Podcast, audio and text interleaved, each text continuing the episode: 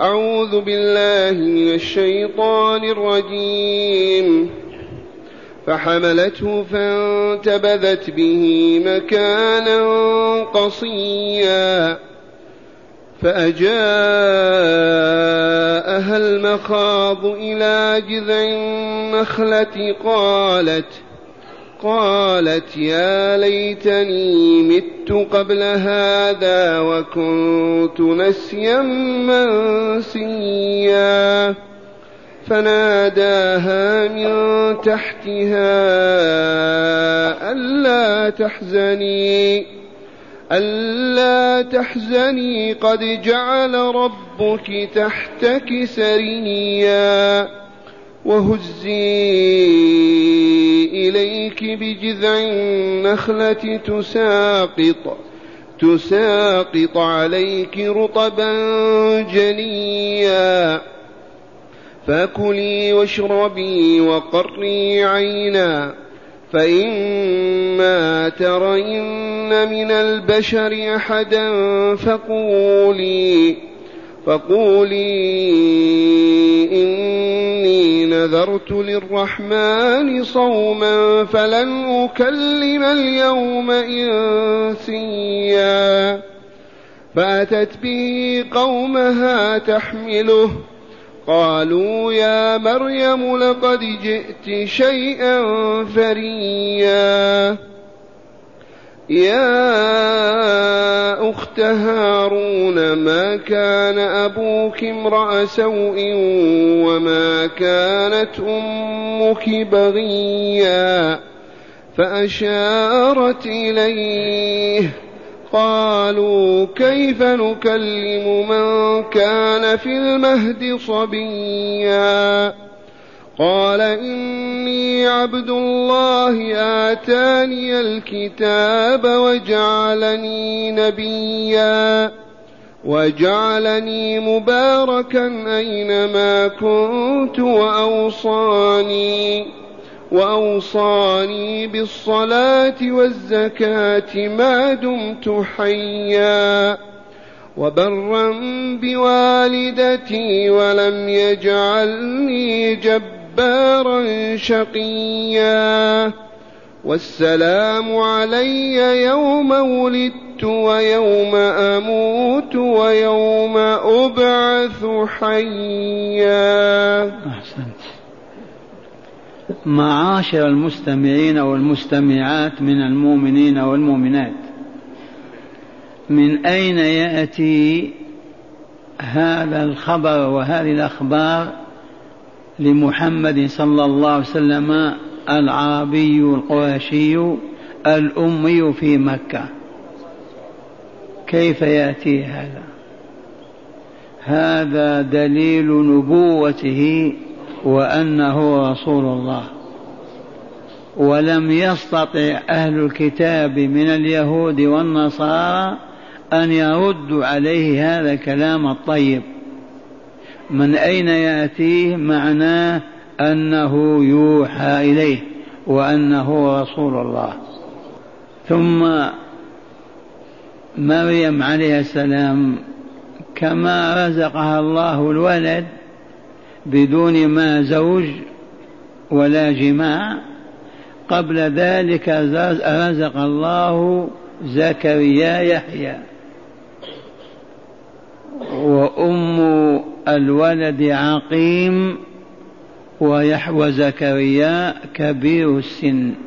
تجاوز الخمسة والتسعين آية من آيات الله تدل على وجود الله وعلى قدرته وعلى علمه وحكمته وأنه بذلك لا إله إلا هو ولا رب سواه. فقوله تعالى واذكر في الكتاب مريم اذكر في القرآن الكريم يا رسولنا مريم خادمة الله. من أين للرسول أن ينزل أن يقول هذا لولا أنه وحي الله وكتابه؟ اذكرها يوما انتبذت من أهلها مكانا شرقيا وانقطعت عن أسرتها واتخذت مكانا شرقيا من الأسرة.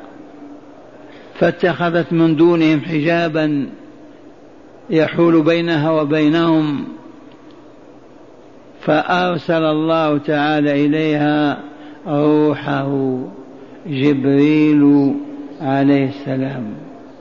فتمثل لها بشرا سويا. جبريل الملك ذو الستمائة جناح يتمثل لمريم رجلا حسن الوجه والطلعة. كما تمثل لرسولنا صلى الله عليه وسلم في غار حراء. فتمثل لها بشرا سويا قالت إني أعوذ بالرحمن منك إن كنت تقيا. هذه اللطيفة ما ننساها. الأتقياء إذا استعيذ بالله منهم ما يعصون ما يظلمون ما يعتدون أبدا. إني أعوذ بالرحمن منك إن كنت تقيا. فالأتقياء الذين يخافون الله عز وجل لما يذكرون بالله وبما عنده ما يعصون الله أبدا ولا يقارفون الذنب. عرفت هذا مريم البتول لأنها تعيش في أسرة طاهرة. قال إني قال إنما أنا رسول ربك ليهب لك غلاما زكيا. بشرها أخبرها بأنه رسول من الله إليها لمهمة لرسالة ما هي أن يهبها الله غلاما زكيا. ألا وهو عيسى روح الله عليه السلام. ماذا قالت مريم البتول قالت إني أنا يكون لي غلام ولم يمسسني بشر ولم أك بغيا علمني كيف يتم هذا. ما تزوجت ولا جامعني رجل ولا زنيت ولا فجرت. كيف يكون الولد؟ قال كذلك قال ربك هو علي هين. إيجاده وخلقه بدون أب هو هين عن الله عز وجل. ولنجعله آية للناس تدل على أن الله على كل شيء قدير وعلى أن الله يوحي لأنبيائه ورسله وعلى أن الله رب كل شيء ومليكه وخالقه وإليه مصيره. ورحمة منا وقد رحم الله بعيسى فوق ما نتصور من الرحمات. وسوف ينزله في آخر الدنيا وتتجلى رحماته أيضا مرة أخرى. ورحمة منا وكان أمرا مقضيا إذا فحملته وكان أمرا مقضيا أي قضى الله بوجود عيسى في بطن أمه مريم عليهما السلام. فحملته على الفور حملته في بطنها. قال الله كن فكان فحملته في بطنها فانتبذت به مكانا قصيا أي هربت وبعدت من قومها من أهلها واتخذت مكانا بعيدا لأنها لما شعرت بمجرد أن نفخ الملك جبريل في كم درعها كان الولد. بكلمة كن. ما افتقر إلى تسعة أشهر ولا إلى كذا بل كان بكلمة كن. فحملته إذا فما كان منها إلا أن هربت بعيدة حوالي كذا أربعة ميل من قومها لأنها تخاف. كيف كيف تلد مريم؟ زنت من تزوجها؟ ما تزوجت؟ وهكذا كما تعرفون العوام. فحملته فانتبذت به مكانا قصيا أي بعيدا كذا ميل. فلما هربت ببطنها في ولد ولدها في بطنها ألجأها المخاض وألزمها. فأجاءها يعني جاء به إلى كذا جاءها ألجأها إلى مكان إلى جذع النخلة. اضطرها المخاض الذي هو وضع الطلق ساعة الطلق عند الولادة وهذا يعرفه النساء. إذا كانت المرأة تريد أن أن تلد يشتد الألم في بطنها ما نتصوره. كيف يخرج إنسان من إنسان؟ كيف ذلك الفرج الدقيق يخرج يخرج معه ولد؟ لا بد من تعب ولا بد من ألم. فألجأ المخاض إلى جذع النخلة. نخلة كانت هناك وجذعها أصلها الأسفل. قالت يا ليتني مت قراءة سبعية مت قبل هذا. هذا الذي تمنته على الله. أنها لو كانت ماتت وهي صغيرة قبل أن تحمل في بطنها عيسى عليه السلام. مت قبل هذا وكنت نشي شيئا نسيا منسيا. شيئا منسي لا يذكر. وهذا من باب أنها خافت من لوم قومها وعتابهم والتشنيع عليها وأنها فجرت وكيف ولدت. فهذا ما يطاق. فتمنت على الله لو كانت نسيا منسيا. من الأشياء التي لا تذكر أبدا. إذا هنا ناداها عيسى عليه السلام. وليس بجبريل. الصحيح أن الذي ناداها هو عيسى. فناداها من تحتها لما سقط من فرجها وبطنها نطق ونادى. وهذه آية من أعظم الآيات. كيف الوليد الرضيع الذي ينزل في ساعة يتكلم ويبين الطريق ويهدي إليها؟ هذه آية أخرى. كونه كان بدون ولد من أعظم الآيات.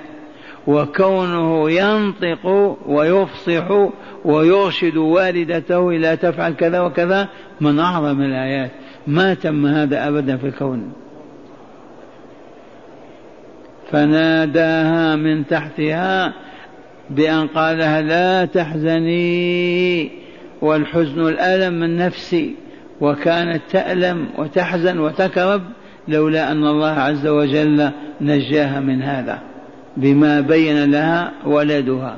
ألا تحزني قد جعل ربك تحتك سريا والسري النهر العذب الماء الطيب. ولهذا من يقول جبريل فالجواب لا إنما هو عيسى هذا الذي رجح ابن جرير عليه السلام.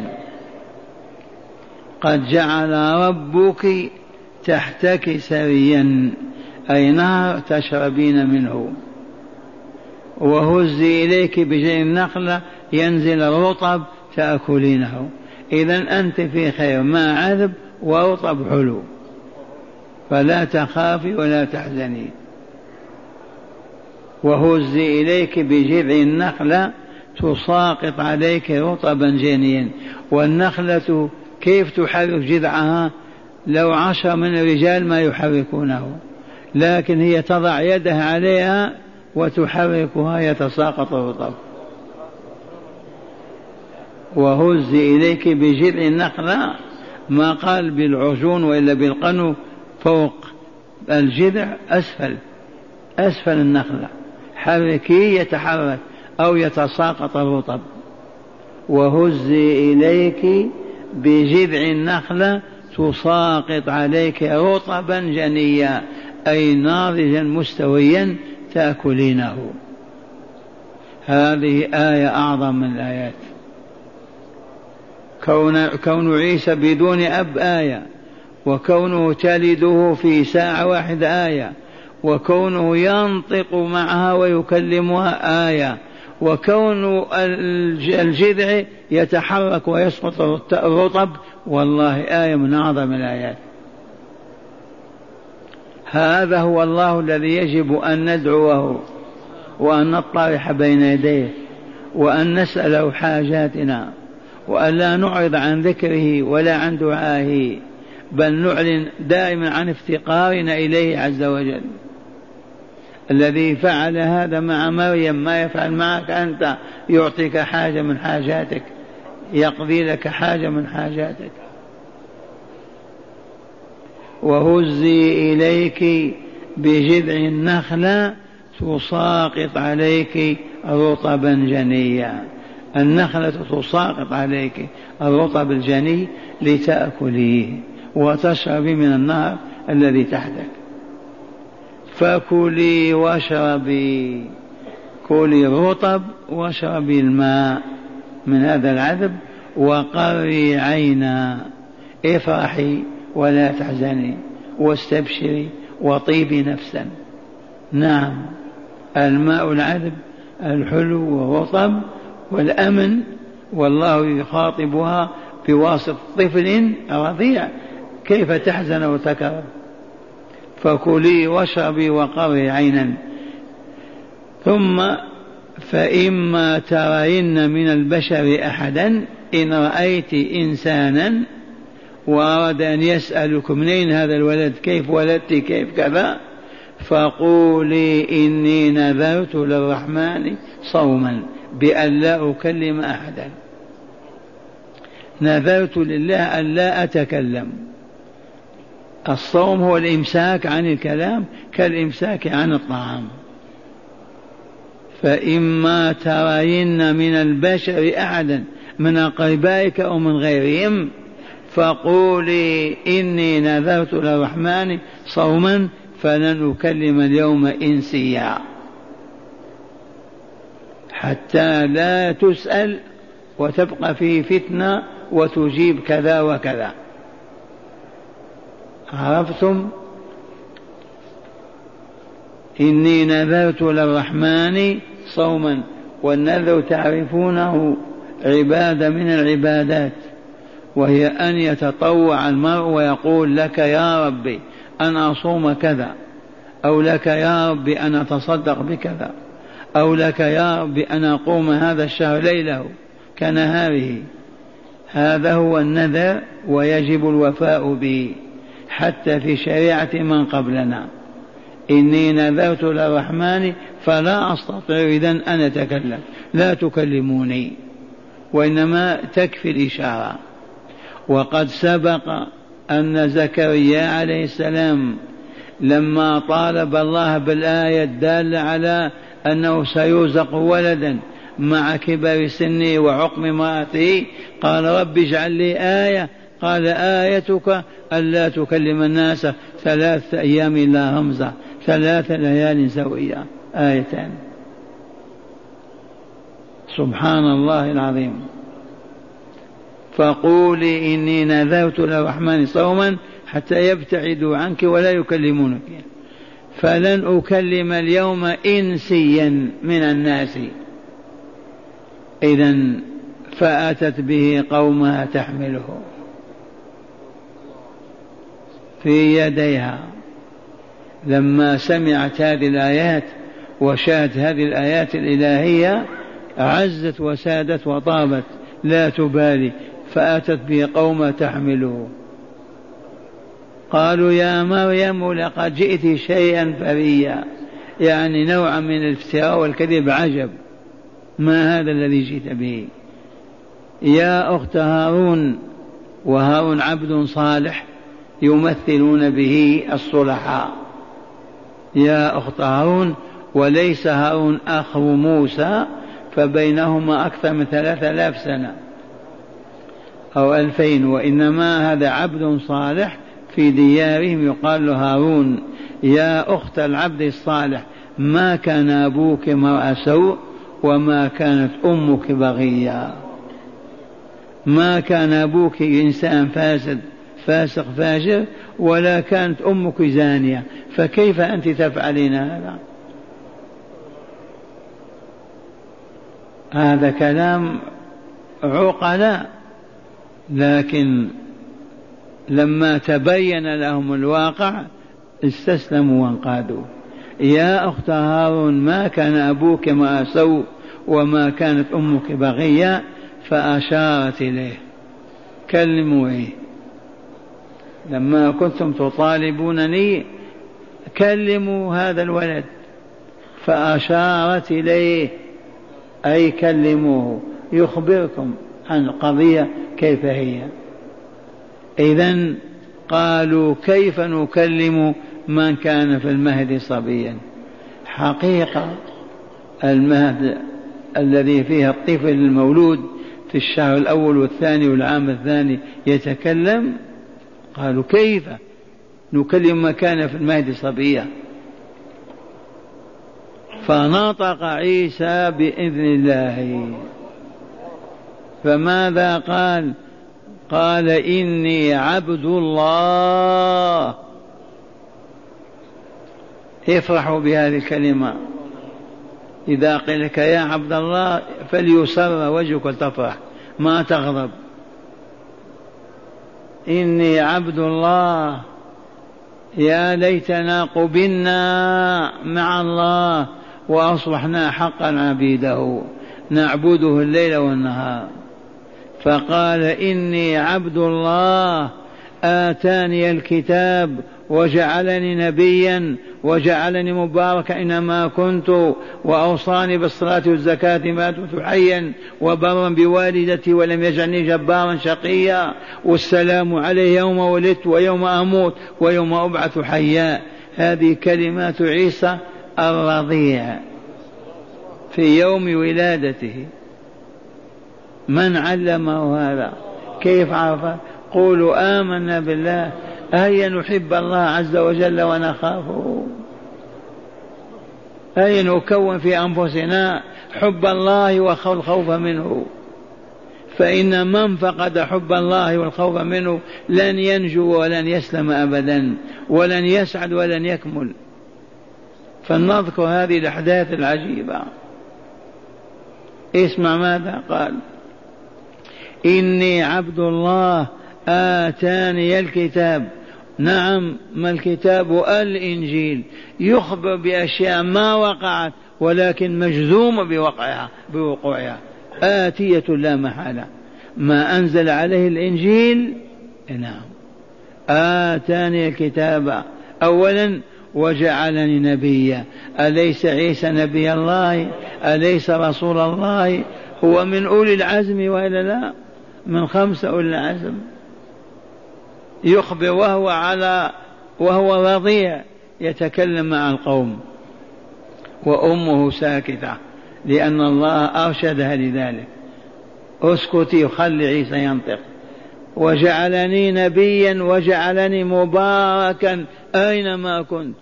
حيثما كان سواء في دمشق ولا في الشام ولا في في كذا أيما يوجد البركة مع عيسى عليه السلام. وهو كذلك. أينما كنت وأوصاني بماذا؟ بأمرين عظيمين. ألا وهما الصلاة والزكاة. وإلى الموت. ومن المسلمين من لا يزكي. ومن المسلمين من لا يصلي.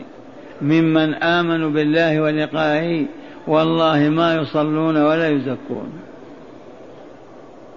هذا عيسى يقرر الصلاة والزكاة في شريعة عيسى قبل شريعة محمد صلى الله عليه وسلم. وأوصاني بالصلاة على أي كانت من الدعاء والقيام أو الركوع أو السجود والزكاة التي هي تطهير النفس وتطيبها بالمال الذي ينفق في سبيل الله. وأوصاني بالصلاة والزكاة ما دمت حيا. ولهذا الصلاة لا يتركها العبد إلا إذا فقد عقله أو غرغرت الروح وحشرجت في صدره انتهت. وهو مريض يصلي بالإيماء والإشارة. عاجز عن تحريك رأسه يصلي بعينيه بأشفار عينيه. ما دمت حيا. وبرا بوالدتي البرور بالوالدين من أوجب الواجبات وهو يتمثل كما علمتم في طاعتهما في المعروف وفي الإحسان إليهما وفي كف الأذى عنهما. هذه ثلاث خطوات.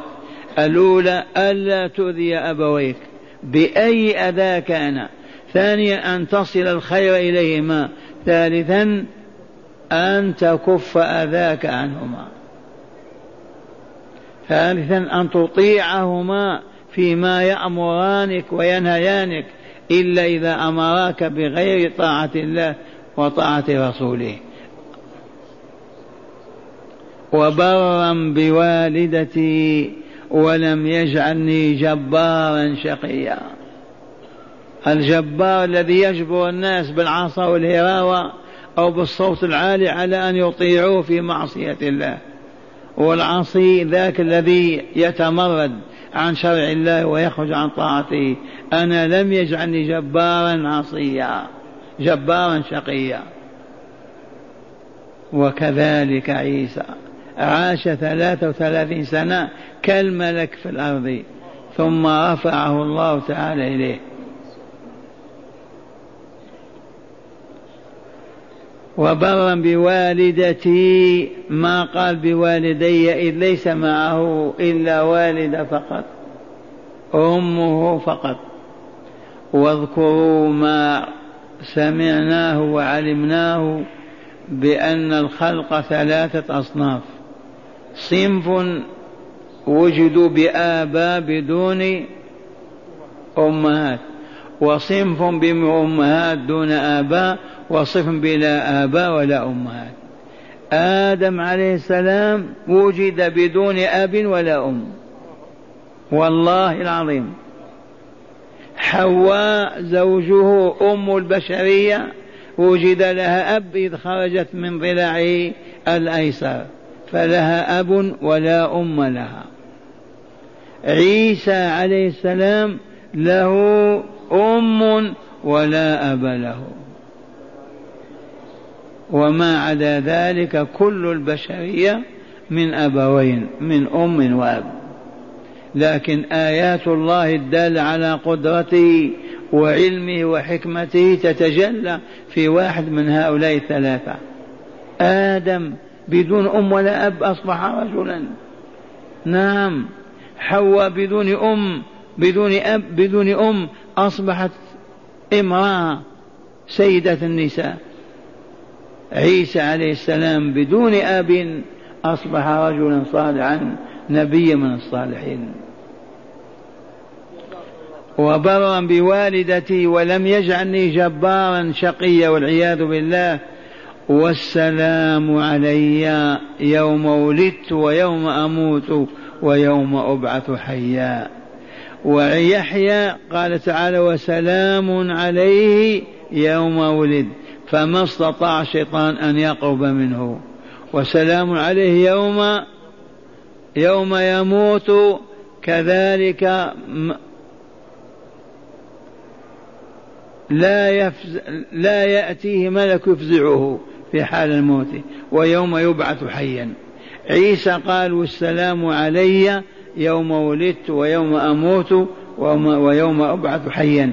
ونحن نقول اللهم اجعل السلام لنا يوم نموت ويوم نبعث أحياء. أما ولادتنا كانت ومضت. أما ما بقي من عمرنا اللهم اجعلنا اجعل السلام علينا يوم موتنا والسلام علينا يوم تبعثنا. أحياء وذلك يوم القيامة. مرة ثانية أسمعكم الآيات تلاوة. فحملته حملت من؟ عيسى.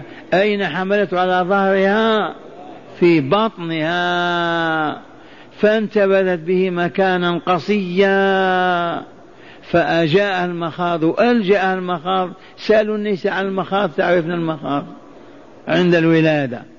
ألجأ المخاض إلى جذع النخلة لتمسك به. كان النساء يمسكن بالحبل في العمود. أيام كان الأعمدة في البيوت الحب في العمود. هكذا.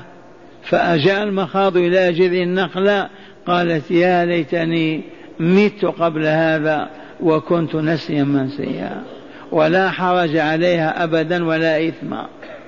أن تمنت على الله لو ما وجدت لما كانت. حتى لا تتعرض لهذه الفتنة التي ما تطاق. ولكن الله نجاها وسلمها. قالت يا ليتني مت قبل هذا وكنت ناسيا منسيا فناداها من تحتها من هو؟ عيسى. ماذا قال لها؟ لا تحزني. لما؟ قد جعل ربك تحتك سريا. هذا النهر العذب وهزي إليك بجع النخلة تساقط عليك رطبا جنيا. ولا ندري في وقت الرطب أو في غير وقته. المهم حرك النخلة من جذعها يتساقط الرطب. واشربي الماء العذب. أي مستشفى أعظم من هذا؟ هذا مستشفى الولادة. الحق. فكلي واشربي. وقري عينا وافرحي وابتهجي وطيبي نفسا. فإما ترين بعد من البشر أحدا ممن يأتون يلومون ويقولون ويقول كيف ولد كيف كذا. فقول لهم إني نذرت للرحمن صوما فلن أكلم اليوم إنسيا. لا تجيبينهم إلا بهذا الكلام. تريدون اسألوا. إذا فأتت به قومها تحمله في خرقة من الكتان. قالوا يا مريم لقد جئت شيئا فريا. يا أخت هارون ما كان أبوك امرأ سوء وما كانت أمك بغيا؟ أي زانية فاجرة. فأشارت إليه أي إلى عيسى قالوا كيف نكلم من كان في المهد صبيا؟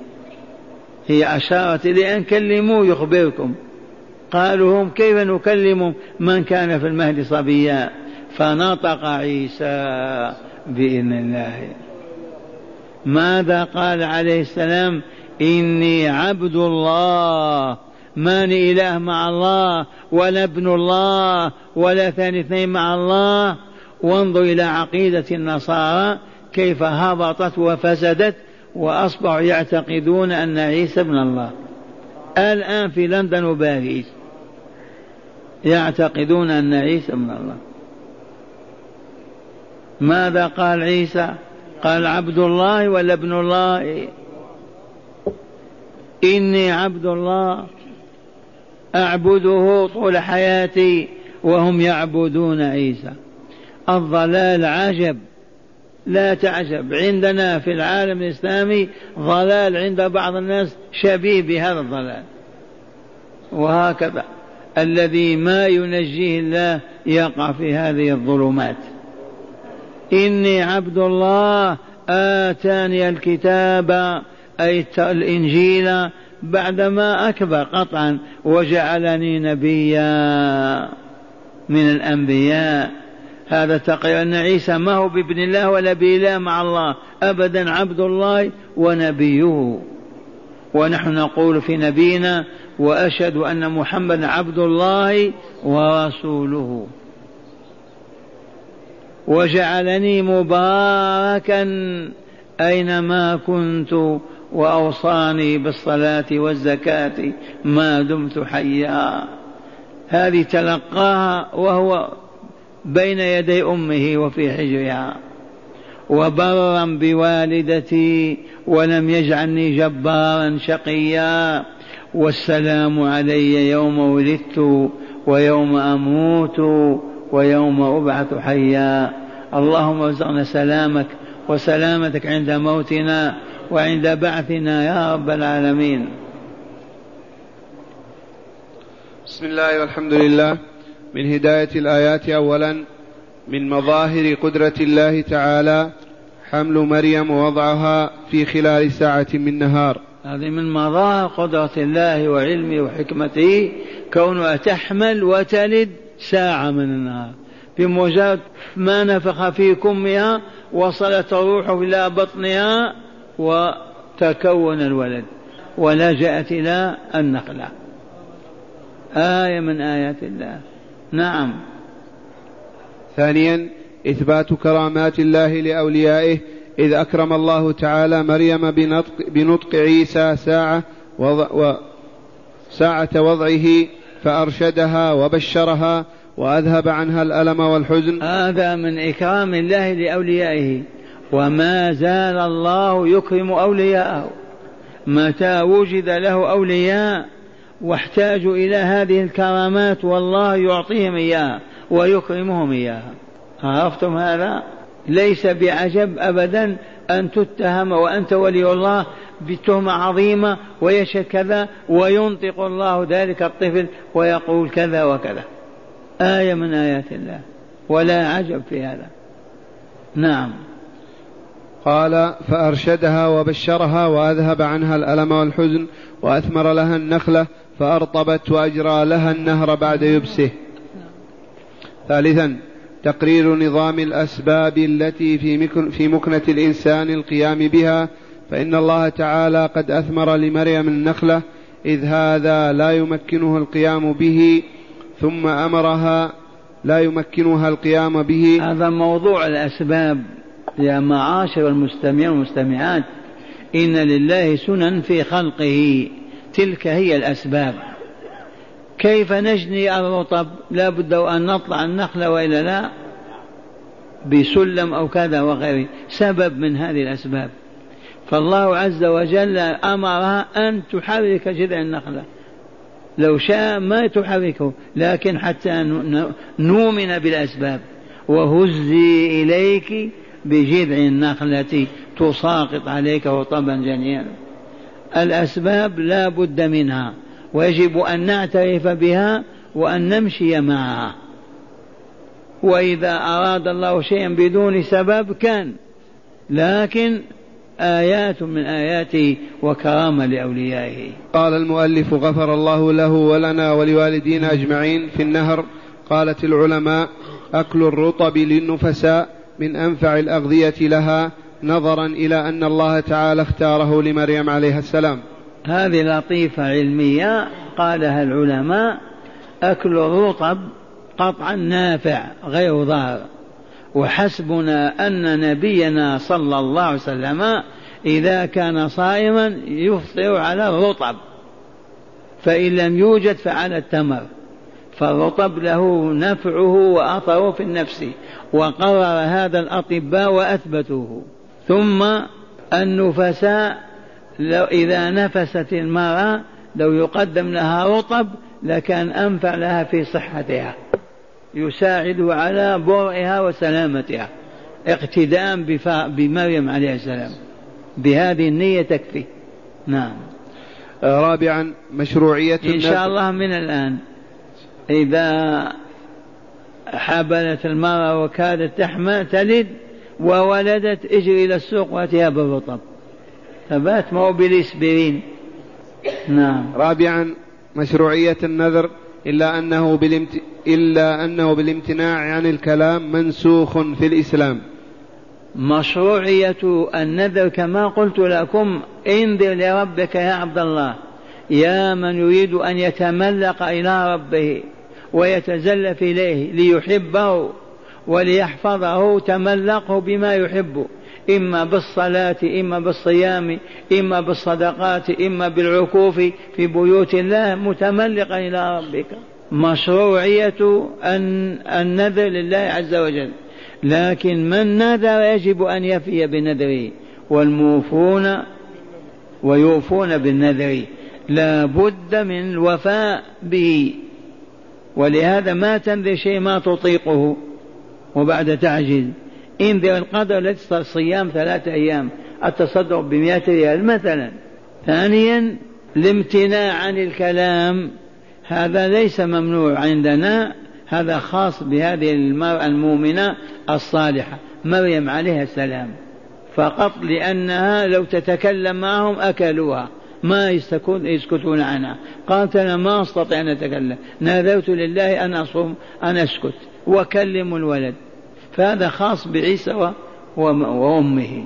تقرير نبوة محمد صلى الله عليه وسلم وعبودية عيسى ونبوته عليهم عليهما السلام. في هذه الآيات تقرير نبوة محمد صلى الله عليه وسلم والله إنه لنبي الله ورسوله. وإلى من أين يأتي هذا العلم الذي نقرأه؟ من أين أتانا لولا أن نقرأ في كتاب الله عز وجل؟ تقرير نبوة محمد صلى الله عليه وسلم ونبوة عيسى وعبوديته لله عز وجل. فلهذا لا نسمع أبدا جدل من يجدل قول عيسى ابن الله أو ثاني اثنين مع الله إلى غير ذلك من الأباطيل. إنما هي والله أكاذيب وضعوها. ليحرموهم من الإسلام والعياذ بالله. آية نطق عيسى في المهد وإخباره بما أولاه الله من الكمالات. من الهدايات آية نطق عيسى في المهد وإخباره بما أولاه الله من الكمالات. هذه آية من آيات الله عز وجل. كون عيسى ينطق وهو في المهدي. هذا مظهر من مظاهر قدرة الله وولايته لأوليائه.